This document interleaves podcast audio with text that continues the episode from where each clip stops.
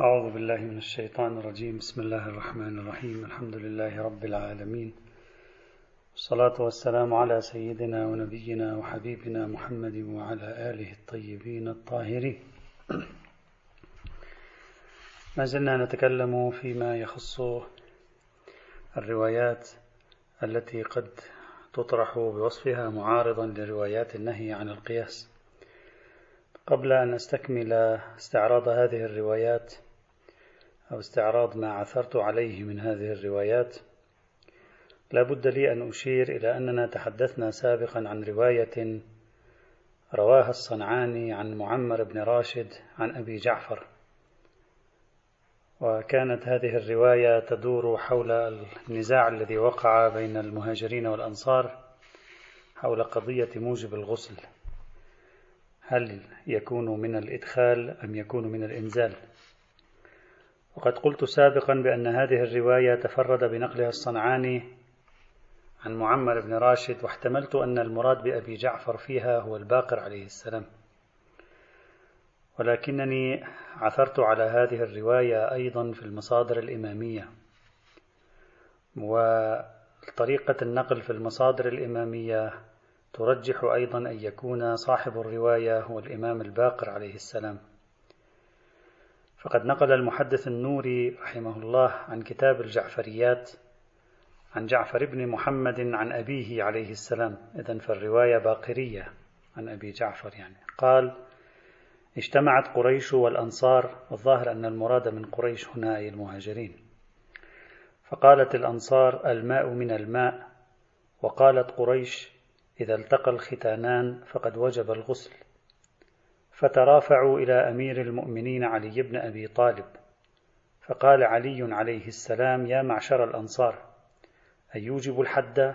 قالوا نعم. قال أيوجب المهر؟ قالوا نعم. فقال علي بن أبي طالب ما بال ما أوجب الحد والمهر؟ لا يوجب الماء. الماء يقصد منه هنا الغسل. وأبوا على أمير المؤمنين وأبى عليهم أمير المؤمنين. يبدو صار في منازعة. ويكمل المحدث النوري فيقول وبهذا الإسناد يعني إسناد الجعفريات عن جعفر بن محمد عن أبيه عليه السلام أي الباقر عليه السلام أن عليا عليه السلام سئل هل يوجب الماء؟ أو هل يوجب الماء إلا الماء؟ فقال يوجب الصداقة ويهدم الطلاق ويوجب الحد ويهدم العدة ولا يوجب صاعا من ماء هو لصاع من ماء أوجب. ويكمل المحدث النور قائلا ورواهما السيد الراوندي في نوادره بإسناده عنه عليه السلام مثله. وفي حديث علي عليه السلام للأنصار لما اختلف المهاجرون والأنصار في وجوب الغسل بالإدخال من غير إنزال فقال الأنصار روينا عنه صلى الله عليه وعلى آله وسلم إنما الماء من الماء. وقال المهاجرون روينا عنه صلى الله عليه وعلى آله وسلم إذا التقى الختانان وجب الغسل. فقال عليه السلام للأنصار أتوجبون عليه الجلد والرجم؟ فقالوا نعم. فقال أتوجبون الجلد والرجم ولا توجبون عليه صاعا من ماء؟ إذا أدخله فقد وجب الغسل. فرجعوا إلى قوله. هذه الرواية أو, عدة روايات في الحقيقة التي ترجع إلى الراوندي وترجع إلى الجعفريات وأمثالها والتي نقلها المحدث النوري في كتاب مستدرك الوسائل في الجزء الأول هذه الروايات تؤكد أن هذه الرواية ليست سنية وإنما هي رواية سنية شيعية أيضا وإمامية أيضا. وتعزز فرضية أن الرواية ترجع إلى الإمام الباقر حسب ما رأينا في أكثر من سند من أسانيد هذه الروايات أنها ترجع إلى الباقر. وبالتالي من المحتمل جدا أن معمر بن راشد ينقل هذه الرواية عن الإمام الباقر كما احتملنا سابقا والعلم عند الله سبحانه وتعالى. وكتاب الجعفريات أمره معروف يوجد نقاش فيه بعض العلماء يصححه وبعض العلماء لا يأخذ به. أحببت أن أضيف هذه النقطة استدراكا على ما ذكرناه سابقا ونفيا لما ادعيناه من أن الرواية قد تفرد بها الصنعاني رحمه الله المتوفى عام 211 للهجرية. نرجع إلى بحثنا ونضيف. آه، طبعا سابقا أنا آه، ذكرت في التسلسل الذي مشينا عليه ذكرت آه، رواية معاذ بن جبل ثم ذكرت روايات العرض على القرآن ثم أفردت عنوانا جعلته ممارسات النبي وأهل بيته. لكن في داخل هذا العنوان اختلط علي أضفت روايتين ليستا من مما مارسه النبي والأئمة في القياس وإنما مما قالوه في القياس مثل رواية الشورى ومثل رواية عطف الرأي على الرأي. لذلك اقتضى أن نفصل هاتين الروايتين نجعلهما لوحدهما. فإذا صار عندنا رواية معاذ وصار عندنا بعد ذلك رواية روايات العرض على الكتاب ثم ممارسة النبي ثم بعض الروايات الأخرى التي أشرنا إليها ثم بعد ذلك روايات العطف وما شابه ذلك. وصلنا إلى رقم ثمانية في الحقيقة. وهي رواية أن للمجتهد أجر إذا أخطأ وأجران إذا أصاب. هذه الرواية تعتبر من المستندات المشهورة التي اعتمد عليها القائلون بالرأي والقياس لإثبات حجية شرعية القياس. وهذه الرواية على شهرتها ترجع إلى إسناد ينتهي بعمر بن العاص عن رسول الله صلى الله عليه وعلى آله وسلم أنه سمعه يقول إذا حكم الحاكم فاجتهد ثم أصاب فله أجران. وفي موضع إذا حكم الحاكم فاجتهد فأصاب فله أجران وإذا حكم فاجتهد ثم أخطأ فله أجر. هذه الرواية لها أهمية كبيرة. أولا هذه الرواية واردة في صحيحي مسلم والبخاري وكذلك أوردها أحمد في مسنده والشافعي في كتاب الرسالة وأوردها الطبراني في المعجم الأوسط وابن عبد البر القرطبي في جامع بيان العلم وفضله وآخرون أيضا.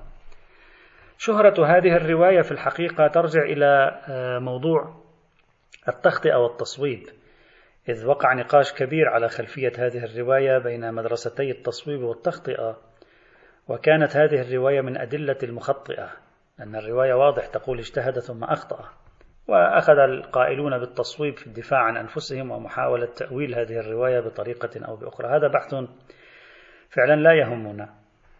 هذه الرواية بعد مراجعتي لها وكما ألمح إلى ذلك أيضا السيد جعفر مرتضى رحمه الله تعالى بعد مراجعتي لم أجد لها أصلا في التراث الحديثي الإمامي إنما هي رواية سنية لكن رغم ذلك الشيخ علي كاشف الغطاء المتوفى سنة 1253 للهجرة في كتابه النور الساطع قال النص النبوي المشهور الذي تلقاه الخاصة والعامة بالقبول.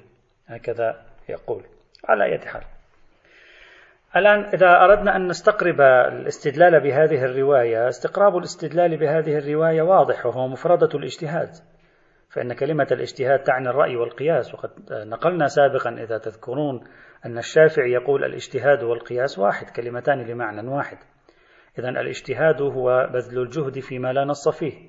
وهذا يعني أن الفقيه إذا مارس الاجتهاد فيما لا نص فيه أي مارس الرأي والقياس فلم يصب الواقع كان له أجر.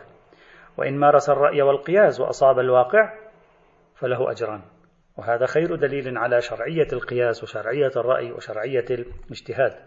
وقد لاحظت أن بعض علماء أهل السنة يستدلون بهذه الرواية في بحث القياس على سبيل المثال فقط أذكر الخطيب البغدادي في كتاب الفقيه والمتفقه وابن قيم الجوزية في كتاب إعلام الموقعين.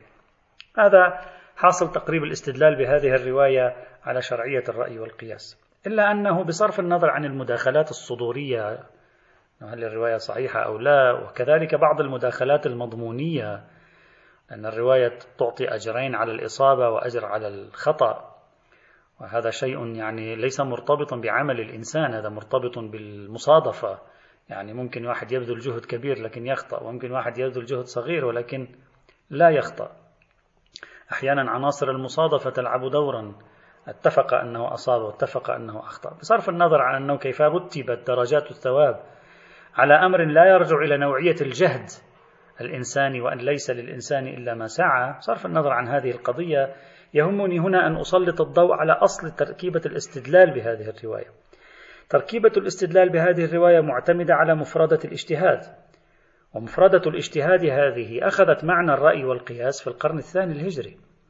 وبالتالي نحن نقوم بتحميل المعنى الذي ظهر في القرن الثاني الهجري نحمله على رواية نبوية ظهرت قبل سنة عشر للهجرة. في حين المفترض بنا أن نترك هذا المعنى الاصطلاحي الذي ولد بفعل تكون المدارس الإسلامية في القرن الثاني الهجري أن نتركه ونرجع إلى الدلالة العفوية اللغوية في هذا الموضوع. فإذا فعلنا ذلك ستكون القضية بسيطة جدا الاجتهاد هو بذل الجهد.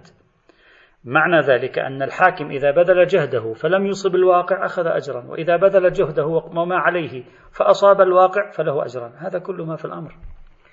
ليس في اللغة العربية دلالة خاصة لكلمة الاجتهاد آه، تعني القياس أو تعني الرأي إنما بمعنى أن يبذل جهده الآن مطلقا لا يتكلم عن نوعية الجهد ليس في مقام بيان طرائق الجهد هذه وإنما في مقام بيان أن هذا الشخص أصاب أم أخطأ فله أجر. المطلوب منه فقط أن يجتهد المطلوب منه أن لا يقصر المطلوب منه أن يبذل قصارى جهده في الوصول إلى الحقيقة. وبالتالي الخطأ في كيفية الاستدلال بهذه الرواية هنا على شرعية القياس يكمن في أنهم أخضعوا نصا لحمولات دلالات مصطلحات ظهرت بعد هذا النص أي ظهرت في القرن الثاني الهجري في هذا. ربما أيضا يزيد ما نقول وضوحا وتأكيدا أن الرواية لم تتكلم عن اجتهاد الفقيه بل هي تحدثت عن اجتهاد الحاكم. وعادة كلمة الحاكم آه، في الدلالات تعني القاضي وعلى أبعد تقدير تعني إمام المسلمين. إذن هي لا تتكلم عن فقيه يريد أن يستنبط الأحكام الشرعية لما تتكلم عن إصابة ولا تتكلم عن إصابة الشريعة الواقعية بل تطلق تقول فأصاب لا تقول فأصاب حكم الله في المسألة.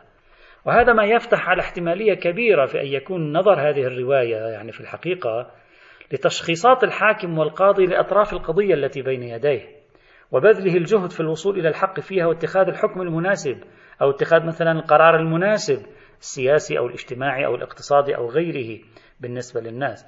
إذا نحن نقول لا يعلم أن في الرواية إطلاقا يشمل النظر إلى عمل المجتهد وهو يستنبط الأحكام الشرعية ولو كان فيها إطلاق فلا يعلم أن المراد من الاجتهاد فيها هو الاجتهاد بالمعنى الأخص الذي ظهر في القرن الثاني الهجري بل تحمل على الدلالة اللغوية في هذا الإطار. هذه الرواية آه، نضيفها. آخر الروايات التي أضيفها في هذا المجال هو خبر ابن الريان وإمضاء الإمام العسكري لفكرة القياس. هذه رواية في تقديري أيضا مهمة ضروري أن نتوقف عندها ربما لم يلتفت إليها كثيرون. يفهم من هذه الرواية وكأن الإمام أمضى في الجملة على الأقل أمضى فكرة القياس خاصة قياس الشبه. هذه الرواية هي خبر محمد بن الريان. طبعا محمد بن الريان ثقة معروف وثقه الشيخ الطوسي في كتبه الرجالية وله كتب أيضا. يقول قال كتبت إلى الرجل عليه السلام. الرجل من هو هنا؟ في بعض الكتب كتبوا في الهامش في الكافي مثلا أن الرجل هو الإمام الرضا لكن الريان هذا ابن الريان هذا لم يذكر في طبقة الإمام الرضا بل ذكر في طبقة الإمام الجواد والهادي والعسكري. وأغلب الظن عندي والله العالم أن المراد بالرجل هنا هو الإمام العسكري عليه السلام وذلك أن النجاشي كما جاء في فهرسته يذكر أصلا لابن الريان كتابا هو مسائله آه، مسائل الإمام العسكري. يعني يبدو أن لديه مجموعة من المسائل كان قد يعني وجهها إلى الإمام العسكري وبالتالي من المحتمل جدا أن تكون هذه الرواية جزء من تلك المسائل. فإذا ممكن أن يكون الرجل هنا هو الإمام الجواد ممكن يكون الإمام الهادي ممكن يكون الإمام العسكري والراجح بنظري والعلم عند الله هو الإمام العسكري. قال كتبت إلى الرجل عليه السلام هل يجري دم البق؟ البعوض يعني. مجرى دم البراغيث؟ يعني حكم دم البق مثل حكم دم البراغيث؟ بالنسبة للصلاة يعني تكلم يكمل. يقول وهل يجوز لأحد أن يقيس بدم البق على البراغيث فيصلي فيه؟ يعني دم البراغيث يجوز الصلاة فيه. حسنا دم البق ماذا نفعل؟ هل يمكن أن نقيسه على دم البراغيث فنصلي فيه؟ وهل يجوز لأحد أن يقيس بدم البق على البراغيث فيصلي فيه؟ وأن يقيس على نحو هذا فيعمل به؟ ممكن يسوي الإنسان هذا القياس ممكن نجري قياسا من هذا النوع. فوقع عليه السلام يجوز الصلاة والطهر منه أفضل. هذه الرواية نقلها لنا الشيخ الكليني في كتاب الكافي وعنه نقلها الشيخ الطوسي في كتاب تهذيب الأحكام. تقريب الاستدلال بهذه الرواية كيف؟ تقريب الاستدلال بهذه الرواية أن الإمام ونحن نتكلم هنا عن عصر كلمة القياس أخذت معناها فيه. يعني إحنا ما نتكلم الآن عن زمن النبي صلى الله عليه وسلم نتكلم عن زمن الإمام علي عليه السلام.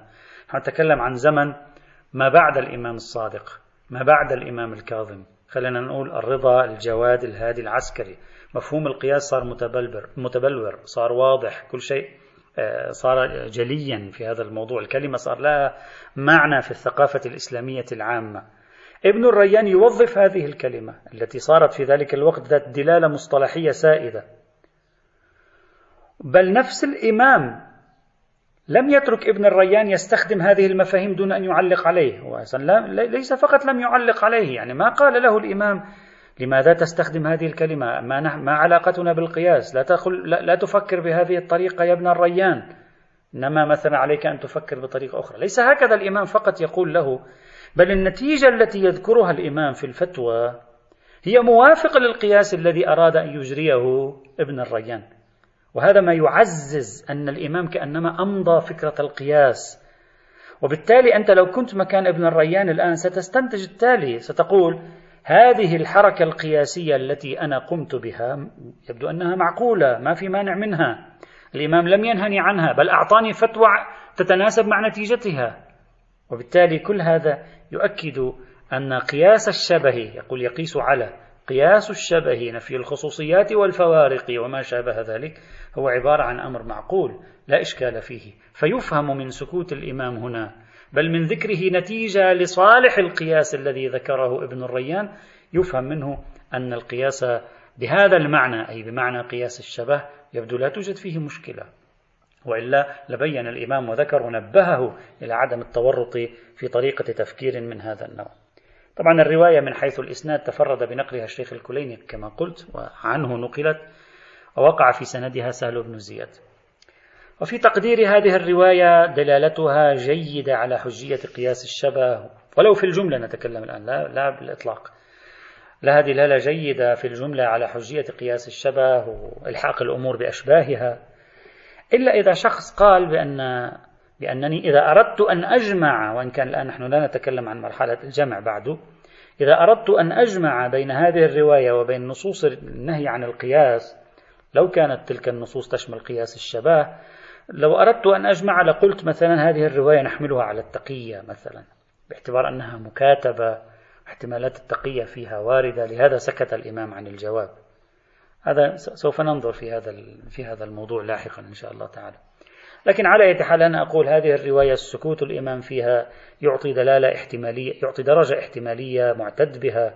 لا أقول عندي يقين بالإمضاء، لماذا؟ لأنني في بحث حجية السنة قلت بأن سكوت المعصوم عن حادث جزئي وقع أمامه لا يدل بالضرورة على الإمضاء. سكوت المعصوم عن أمر عام متكرر ممتد في الزمان هو يعطي دلالة على الإمضاء لذلك أقول هنا لا يدل بالضرورة على الإمضاء لكنه مؤشر احتمالي عال في الدلالة على الإمضاء خاصة مع كون القياس حسب الفرض فيه حساسية عالية فتكون احتمالية السكوت هنا دلالتها على الإمضاء أيضا عالية. هذا هذه هي النصوص التي آه، عثرت عليها في هذا آه، المجال. يمكن أن تؤكد شرعية القياس والرأي.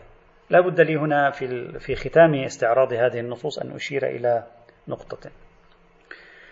وهي أنني حذفت بعض النصوص التي ذكرها القائلون بالقياس على أن فيها دلالة على حجية القياس. لأنني رأيت أن دلالتها بائسة في الحقيقة. يعني لا ينبغي كانوا أن يقحموها لأنها يعني لا تستحق أن تذكر في هذا الموضوع أصلا ليس فيها دلالة أصلا.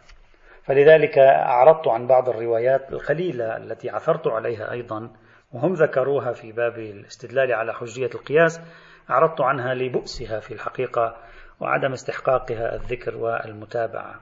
هذا من جهة. من جهة أخرى أيضا تخطيت النصوص القرآنية التي ادعوا أنها تدل على شرعية القياس لأنه إذا عندنا نص قرآني على شرعية القياس ستصبح جميع روايات النهي عن القياس بصرف النظر عن ماذا تدل الآن ستصبح روايات النهي عن القياس معارضة للقرآن وبالتالي نحن أمام مشكلة كبيرة. أنا أعرضت عن ذكر الآيات القرآنية التي تدل على شرعية القياس مثلا مثل نصوص فاعتبروا يا أولي الأبصار حتى بعض الأدلة القرآنية يعني تكاد تكون شبه مضحكة.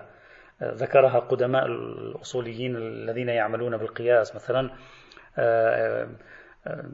النبي في قصة النبي يوسف سلام الله عليه إن كنتم للرؤيا تعبرون أنتم تفسروا المنامات فقال تعبرون هنا قد يستفاد منها مثلا الحجية القياس. أدلة من هذا النوع في الحقيقة يعني ضعيفة جدا في تقديري. بعضها سبق لي أن ناقشته في أكثر من موضع. بعضها يعني لا أجد آه، حاجة لمناقشته لوضوح ضعفه أو مثلا الله في القرآن يضرب الأمثال فقالوا هذا دليل على حجية القياس. لا أدري ما ربط هذا بهذا. وعلى أي حال من أراد أن يتوسع في هذا من الإخوة بإمكانه أن يراجع الكتب الأصولية السنية المطولة في الاستدلال على حجية القياس سيرى هناك كم من آية ذكروها وأغلبيتها الساحقة بل جميعها على التحقيق لا تدل على شيء نافع وأساسي في المقام. إذا أنا استبعدت بعض الروايات البائسة في الدلالة واستبعدت أيضا الدلالات القرآنية لأنه ليست مقنعة. وبقي عندي في بحسب ما ما حصلت عليه هي هذه الرواية. يجب علي أن أشير هنا إلى أن الحديث كما ألمحنا سابقا عن رواية زيدية عن أهل البيت النبوي في خصوص القياس بعد التفتيش يعني المقدار الذي تسنى لي في هذه الفسحة الزمنية لم أتمكن من العثور على شيء معتد به. يمكن أن يمثل رواية زيدية عن أهل البيت في تأييد القياس. باستثناء بعض النصوص السابقة التي هي موجودة في مصادر سنية رأيتها في مصادر الحديث الزيدية ورأيتها أيضا في مصادر أصول الفقه الزيدي مثل حديث معاذ وغيره. لذلك يخطر في بالي شيء أيضا لابد أن يعني نفكر فيه. أحتمل أن الروايات التي أشير إليها في كلمات ابن أبي الحديد وغيره أن هناك مرويات نقلت عن أهل البيت. إذا قصد بأهل البيت الأئمة الاثني عشر عند الإمامية. أحتمل أن هذه الروايات المشار إليها هناك ربما تكون تابعة لزيدية الكوفة. زيدية الكوفة في القرن الثاني وفي القرن الثالث الهجريين. آه، زيدية الكوفة عادة هي زيدية جارودية نسبة إلى أبي الجارود زياد بن المنذر أو هي زيدية بترية أيضا أو زيدية صالحية. هذه المدارس الزيدية القديمة التي لم أوفق للحصول على مصادرها الروائية يعني حتى نتأكد من وجود رواية مؤيدة للقياس فيها منقولة عن أهل البيت. مثلا كتاب تفسير أبي الجارود ومسنده مطبوع هذا الكتاب الآن منشور مؤخرا. أغلب رواياته بل هو في العادة مأخوذ من المصادر الإمامية ولم أجد فيه شيئا يذكر عن القياس. فزيدية الكوفة زيدية جارودية زيدية الجارودية زيدية منقرضة أو شبه منقرضة تعتبر بينما زيدية اليمن يعني عادة هي زيدية هادوية نسبة إلى الإمام الهادي إلى الحق. الإمام الهادي إلى الحق يحيى بن الحسين الذي هو حفيد الإمام القاسم الرسي يحيى بن الحسين بن القاسم الرسي. حفيده حفيد هو من أئمة أهل البيت عند الزيدية. وهذا الإمام الهادي إلى الحق هو الذي أسس الدولة الهدوية في اليمن. استمرت هذه الدولة على ما هو المعروف طبعا ولو أحيانا بشكل متقطع. استمرت بين عام 284 للهجرة إلى سنة 1006 للهجرة يعني تقريبا حوالي سبعة قرون تقريبا.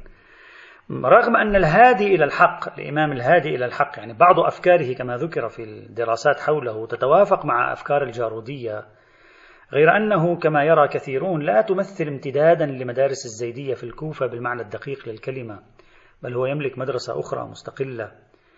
وبناء عليه إذا كان نظر من نقل وجود الرواية الزيدية في القياس عن أهل البيت مثل ابن أبي الحديد إذا كان نظره لقدماء الزيدية فهذا يعني أننا نتكلم عن فرق شبه منقرضة وبالتالي علينا أن نفتش أكثر في المخطوطات التي قد تربطنا بهم وتساعد على العثور على شيء عندهم. آه، وكما نقل لي شفاها أن الزيدية لديهم رواية وربما تكون هذه زيدية جارودية يعني من من من تابعين للجارودية. أن هناك رواية زيدية لكتاب النوادر لأحمد بن محمد بن عيسى الأشعري وأن, وأن هذه الرواية تختلف عن الرواية الإمامية. وممكن يكون الرواية الإمامية حذفت الروايات المؤيدة للقياس لأنها تعتبرها باطلة وبالتالي أصلا حذفتها بشكل كامل. مثلا بينما في الرواية الزيدية النصوص الموجودة عن حول القياس في كتاب النوادر لأحمد بن محمد بن عيسى ربما تكون موجودة. على أي حال الإخوة إذا كان بإمكانهم أن آه، يساعدون في هذا الموضوع العثور على إما مخطوط نوادر الحكمة لأحمد مخطوط النوادر لأحمد بن محمد بن عيسى الأشعري برواية الزيدية أو أي كتاب آخر يمكن أن يتضمن مرويات زيدية فلا بأس يمكن أن نضيف ذلك إلى هذا الموضوع. وربما أيضا إذا صح ما قيل من أن رواية الزيدية لكتاب النوادر للأشعري تختلف عن رواية الإمامية وأن فيها روايات تؤيد القياس محذوفة في الرواية الإمامية إذا صح هذا الكلام الذي ينقل عن يعني بعض الفقهاء المعاصرين أيضا شفاها. إذا صح هذا الكلام ربما هو يفسر لنا موقف ابن الجنيد من روايات القياس آه، حيث قلنا سابقا بأن النجاشي ذكر أن له كتابين آه، وعنوانهما هما كتاب كشف التمويه والإلباس على أغمار الشيعة في أمر القياس. وله كتاب آخر اسمه كتاب إظهار ما ستره أهل العناد من الرواية عن أئمة العطرة في أمر الاجتهاد.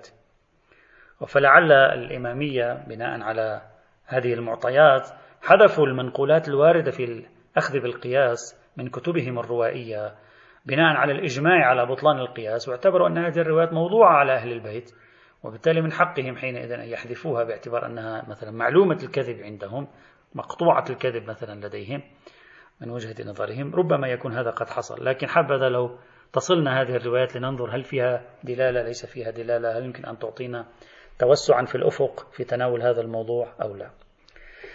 على أي حال إلى هنا نكون قد وصلنا إلى استعراض ما رأيناه من أدلة النهي عن القياس في ثلاث مجموعات. وكذلك وصلنا إلى استعراض الروايات التي ربما تكون دالة على مشروعية القياس.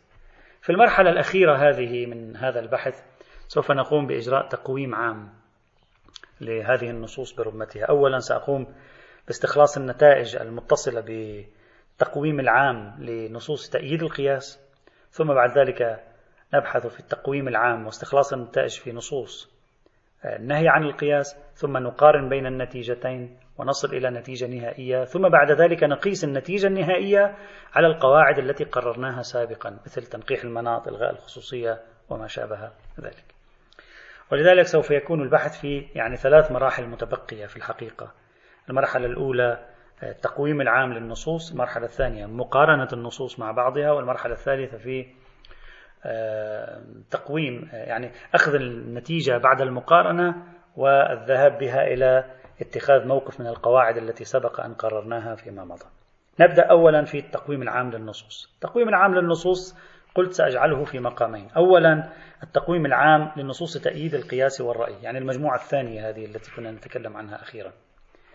الذي استخلصناه من هذه المجموعات المؤيدة للقياس أو التي يحتمل أنها مؤيدة للقياس أو طرحت كمؤيد للقياس الذي نستخلصه هنا عبارة عن خمس نتائج. واحد. إذا رصدنا مجموع الروايات التي يحتمل كونها معارضة لنصوص النهي عن القياس فسنجد أنها عبارة عن ست عشرة رواية. طبعا إذا وضعنا جانبا نصوص العرض على الكتاب لأن نصوص العرض على الكتاب لوحدها 24 رواية. لكن خلاصة ما وصلنا إليه من روايات ست عشرة رواية. هذا هو من حيث العدد هذا أولا. ثانيا هذه الروايات فيها ما هو موجود في مصادر السنة موجود في مصادر الزيدية وموجود حتى في مصادر الإمامية أنفسهم.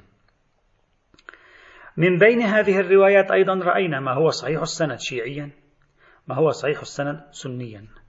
لكن العديد منها كما رأينا ضعيف من حيث الإسناد والقليل منها جاء في الكتب الأربعة وفي كتاب كتابي الصحيح لمسلم والبخاري. هذا ثانيا. ثالثا إن الذي يدل دلالة مباشرة من هذه الروايات يعني الذي توصلنا إلى أنه يتكلم مباشرة عن الفرضية الأولى والثالثة والخامسة من القياس يعني قياس العلة والقياس في مقابل النص والقياس مع الزهد بالنص.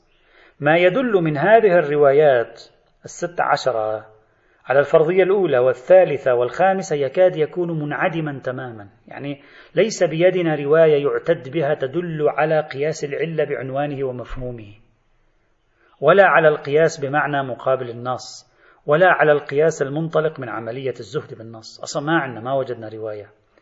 بل قد رأينا بعض الروايات أصلا واضح في أنه يذهب للقياس عقب فقدان النص أو عقب فقدان الحكم. وهذا لاحظناه مثلا رواية الشورى وما شابه ذلك من الروايات. يعني جلية خبر معاذ وما شابه ذلك. إذا ليس بأيدينا في روايات الترخيص في القياس ما يكرس مفهوم قياس العلة أو ما يكرس مفهوم آه، الفرضية الثالثة أو الفرضية الخامسة. النتيجة الرابعة: العديد من هذه الروايات ليس فيه دلالة واضحة مباشرة لكنه يملك احتمالية الدلالة الإطلاقية التي تستوعب قياس الشبه يعني الفرضية الثانية. هو ليس دالا على قياس الشبه بالمباشرة ليس فيه دلالة مباشرة على قياس الشبه لكنه مفتوح على احتمالية بحسب إطلاقه مفتوح على احتمالية أن يستوعب قياس الشبه. وهذه الروايات هي خبر زيد بن علي الذي يتكلم عن ما يقوم به القاضي والإمام من الرجوع للقياس عند فقدان النص والإجماع هذا تكلمنا عنه. ثانيا خبر حد المفتري الذي بينه الإمام علي عليه السلام وفقا للرواية الشيعية والسنية معا.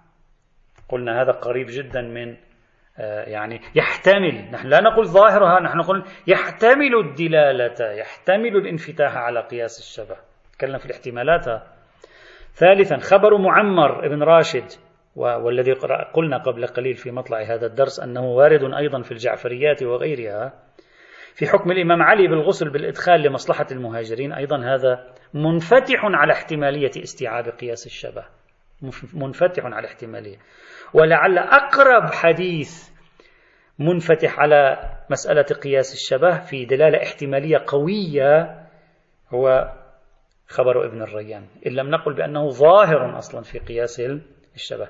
إذا آه، الروايات التي تدل على الفرضية الثانية احتمالية في الغالب وأقواها في في في عطاء الاحتمال هي رواية ابن الريان التي يصححها العديد من العلماء أيضا. هذه آه، النتيجة الرابعة. النتيجة الخامسة. طيب إذا نحن الآن صار عندنا الفرضية الأولى لا يوجد شيء حولها. الفرضية الثالثة لا يوجد شيء حولها. الفرضية الخامسة لا يوجد شيء حولها. الفرضية الثانية تستوعبها احتمالا أربع روايات في المقام. ويبدو بشيء قريب جدا من الظهور خبر ابن الريان يتكلم عنها. هذا كل ما عندنا في الفرضية الثانية قياس الشبه. بقي عندنا من الفرضيات الخمس الفرضية الرابعة اللي هي عبارة عن إعمال النظر الشخصي في المسألة تبعا لقواعد المصالح والمفاسد العامة حيث لا يوجد دليل ولا نص طيب هل في هذه المجموعة من الروايات ما يسعف في هذا المجال؟ آه. الذي تبين لنا أن فيه دلالة معينة آه تسعف في تأكيد الفرضية الرابعة اللي هي عبارة عن النظر في المصلحة حال فقدان النص أو حال فقدان الحكم على قانون العدل وعلى قانون الخير وبما يتوافق مع مبادئ الشريعة ومقاصد الشريعة والكليات العامة ويكون أقرب لمزاج الشريعة العام. الذي آه، نجده في هذه الروايات يتكلم عن شيء قريب من القياس هنا. يعني في الحقيقة عمدة ما تعطيه الروايات التي قيل بأنها تدل على شرعية القياس عمدة ما تعطيه شرعية الرأي. بحسب بمعنى الفرضية الرابعة. النظر الشخصي وتشخيص المصالح والمفاسد على الكليات الشرعية وقواعد العدل والإنصاف لأجل تأسيس حكم جديد. الآن إما هذا الحكم ينسب إلى الله بناء على شمول الشريعة أو هذا الحكم لا ينسب إلى الله لكن بإمكاننا أن نجعله. أبرز النصوص التي لأين لها دلالة جيدة معتد بها بعضها ظاهر بعضها شبه ظاهر بعضها. قريب للصراحة أصلا أبرزها كان عبارة عن أولا خبر معاذ بن جبل. يعني هذا واضح خبر معاذ بن جبل بحسب تفسيرنا السابق له. لا علاقة له بقياس الشبه لا علاقة له بقياس العلة لا علاقة له بالفرضية الثالثة والخامسة وإنما له علاقة بالفرضية الرابعة كما قلنا. هذا أولا. ثانيا خبر زرارة وغير زرارة الوارد في المصادر الشيعية والسنية في حد المسكر. وفقا لتبرير الإمام علي. قد ذكرنا هناك أن تبرير الإمام علي هو تبرير مصلحي تحفظي سد الطرق للوصول إلى المفسدة وهذه ذهنية مصلحية. إذا تنفع. أيضا ثالثا خبر السكوني الذي هو وارد في معرفة الحق بمقايسة العدل الذي تكلمنا عنه بالأمس وشرحنا قلنا أن هذا قريب جدا من مبدأ إعمال العدالة. والتشخيصات البشرية لمصادق العدالة حيث لا يوجد نص على التشخيص. وألمحنا إلى نظرية أحمد أمين في هذا المجال. رابعا خبر الشورى حال فقدان النصوص. قلنا إذا ما في نصوص ما في إجماع نرجع إلى الشورى التي لا بد أن يدخل فيها العابدون والعالمون أيضا. هذا رابعا. خامسا خبر عطف الرأي على الهدى الذي أمس في آخر الدرس تكلمنا عنه. طبعا هذا عطف الرأي على الهدى احتمالية قوية فيه. هذه النصوص الخمسة ذات المصادر المتعددة والطرق المتعددة يمكن أن تساهم في الحقيقة بصرف النظر عن المعارضة نتكلم الآن يمكن أن تساهم في تشريع الفرضية الرابعة أي حيث لا نملك شيئا في النصوص ونريد أن نحل مشكلة بإمكاننا أن نذهب إلى تشخيصنا البشري على المعايير الكلية للشريعة وبما يكون أقرب لمزاجها. هذا المعنى للقياس؟ يمكن أن تدل عليه هذه النصوص الخمسة. الآن نتكلم حاليا بعدين النتائج النهائية. وبهذا نخرج بالنتيجة الآتية. إن نصوص تأييد القياس لا تساعد على منح الشرعية للقياس بالفرضية الأولى ولا بالفرضية الثانية ولا بالفرضية الثالثة ولا بالفرضية الخامسة. إذا في شيء فيها احتمالات غالبها عمدتها دال على الفرضية الرابعة في الحقيقة اللي هي بمعنى ماذا؟ إعمال النظر البشري في المصالح والمفاسد حيث لا يوجد دليل أو حيث لا يوجد حكم على المبنيين في شمول الشريعة إعمال النظر البشري هذا في المصلحة والمفسدة على معايير الكليات الشرعية وما هو أقرب إلى مزاج الشريعة وقواعدها إما بهدف اتخاذ موقف شرعي لو قلنا بشمول الشريعة أو بهدف اتخاذ موقف بشري لو قلنا بعدم الشمول التفصيلي في الشريعة على ما هو الأصح. هذه خلاصة تقويم المجموعة المرتبطة بتأييد القياس في الحقيقة. غدا إن شاء الله تعالى سوف نتكلم عن تقويم النصوص المرتبطة بالنهي عن القياس. سنذكر أيضا مجموعة من النتائج فيها مجموعة من الملاحظات الإشارات يعني ليس الملاحظات موضوع مجموعة من الإشارات العامة المتصلة بها. وننتقل أيضا إلى المقارنة بين المجموعتين لنرى أصلا يوجد تعارض بين هذه أو لا يوجد تعارض. هذا مهم جدا بالنسبة لي. وأظن أنكم بدأتم, بدأتم تشعرون أن باب التعارض يبدو أنه صار قليلا جدا في هذا آه، السياق. يأتي إن شاء الله تعالى والحمد لله رب العالمين. فقط أريد أن أذكر الإخوة أي من الإخوة جزاه الله خير يمكن أن يساعدنا في الحصول على آه، كتب أو مخطوطات أو آه، إشارات في أمكنة معينة لرواية زيدية تتصل به. شيء ينقل عن أهل البيت بالمفهوم الإمامي لأهل البيت فسنكون له شاكرين. والحمد لله رب العالمين.